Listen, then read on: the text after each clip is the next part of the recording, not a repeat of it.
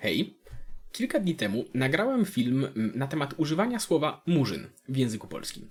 I w filmie tym wyraziłem opinię, że jeżeli jakaś osoba czarnoskóra nie życzy sobie, aby używać wobec niej tego słowa, no to pewna taka elementarna kultura osobista nakazuje zastosować się do tej prośby. No bo nazywanie, zwłaszcza nachalne, kogoś jakimś słowem, którego dana osoba sobie nie życzy słyszeć, no to jest po prostu nieuprzejme, moim zdaniem. Zauważyłem też, że to słowo oczywiście jak najbardziej może być używane w negatywnym kontekście, czy może być używane w obraźliwych zwrotach, niemniej jednak y, samo w sobie obraźliwe ono nie jest, co potwierdza zarówno słownik języka polskiego, encyklopedia PWN i przytoczone przeze mnie opinie językoznawców i ekspertów w tym temacie. I tak się składa, że film ten okazał się być najchętniej oglądanym filmem ostatniego miesiąca. To znaczy, statystyki pokazują, że zebrał on praktycznie jednoznacznie, prawie jednoznacznie pozytywne opinie, czyli 98,5% pozytywnych ocen miał i to w momencie, gdy większość widzów y, to, to nie byli subskrybenci, to byli osoby, osoby, które nie są stałymi widzami kanału, więc to też jest pewna informacja.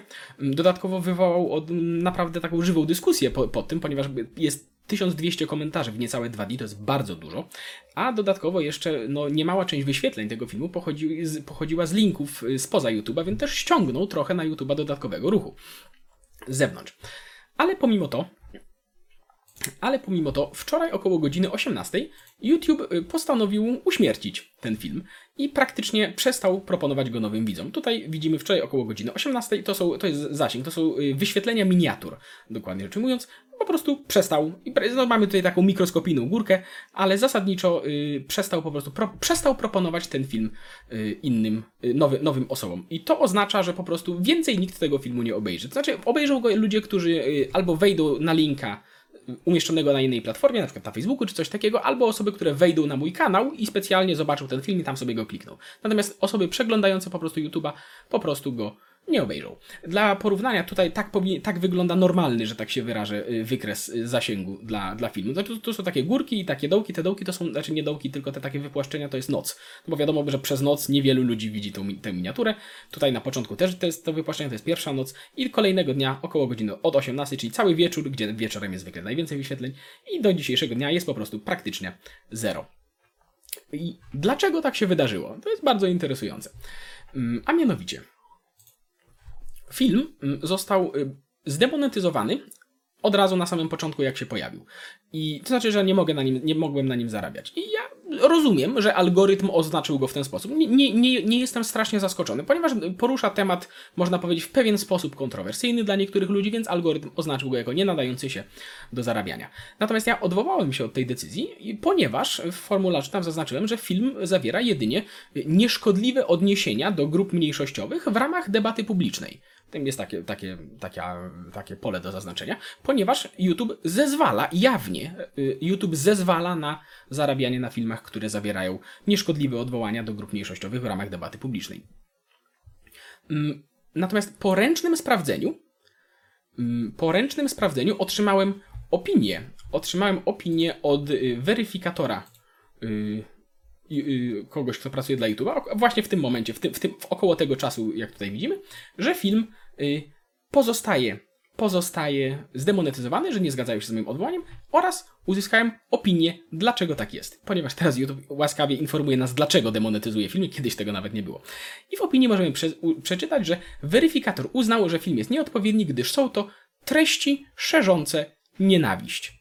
Tak? Dobrze Państwo słyszą? Film, w którym wprost nawołuje do tego, żeby jeżeli jakaś osoba sobie nie życzy, aby nazywać je tym słowem, to żeby tego nie robić, ponieważ jest to nieuprzejme, oraz film, w którym podaje opinie z słowników, encyklopedii oraz językoznawców na ten temat, jest, został oznaczony jako film szerzący nienawiść. I jeżeli oczywiście ten film trwa 18 minut, może komuś się wydaje, że powiedziałem tam coś jeszcze, co można by pod to podpiąć, niech zachęcam do obejrzenia tego filmu i wyrobienia sobie własnej opinii na ten temat. Natomiast bardzo, jeżeli ktoś znajdzie tam coś, co chociaż stało obok nienawiści, to proszę mi to napisać w komentarzach, bo jestem bardzo, bardzo ciekaw.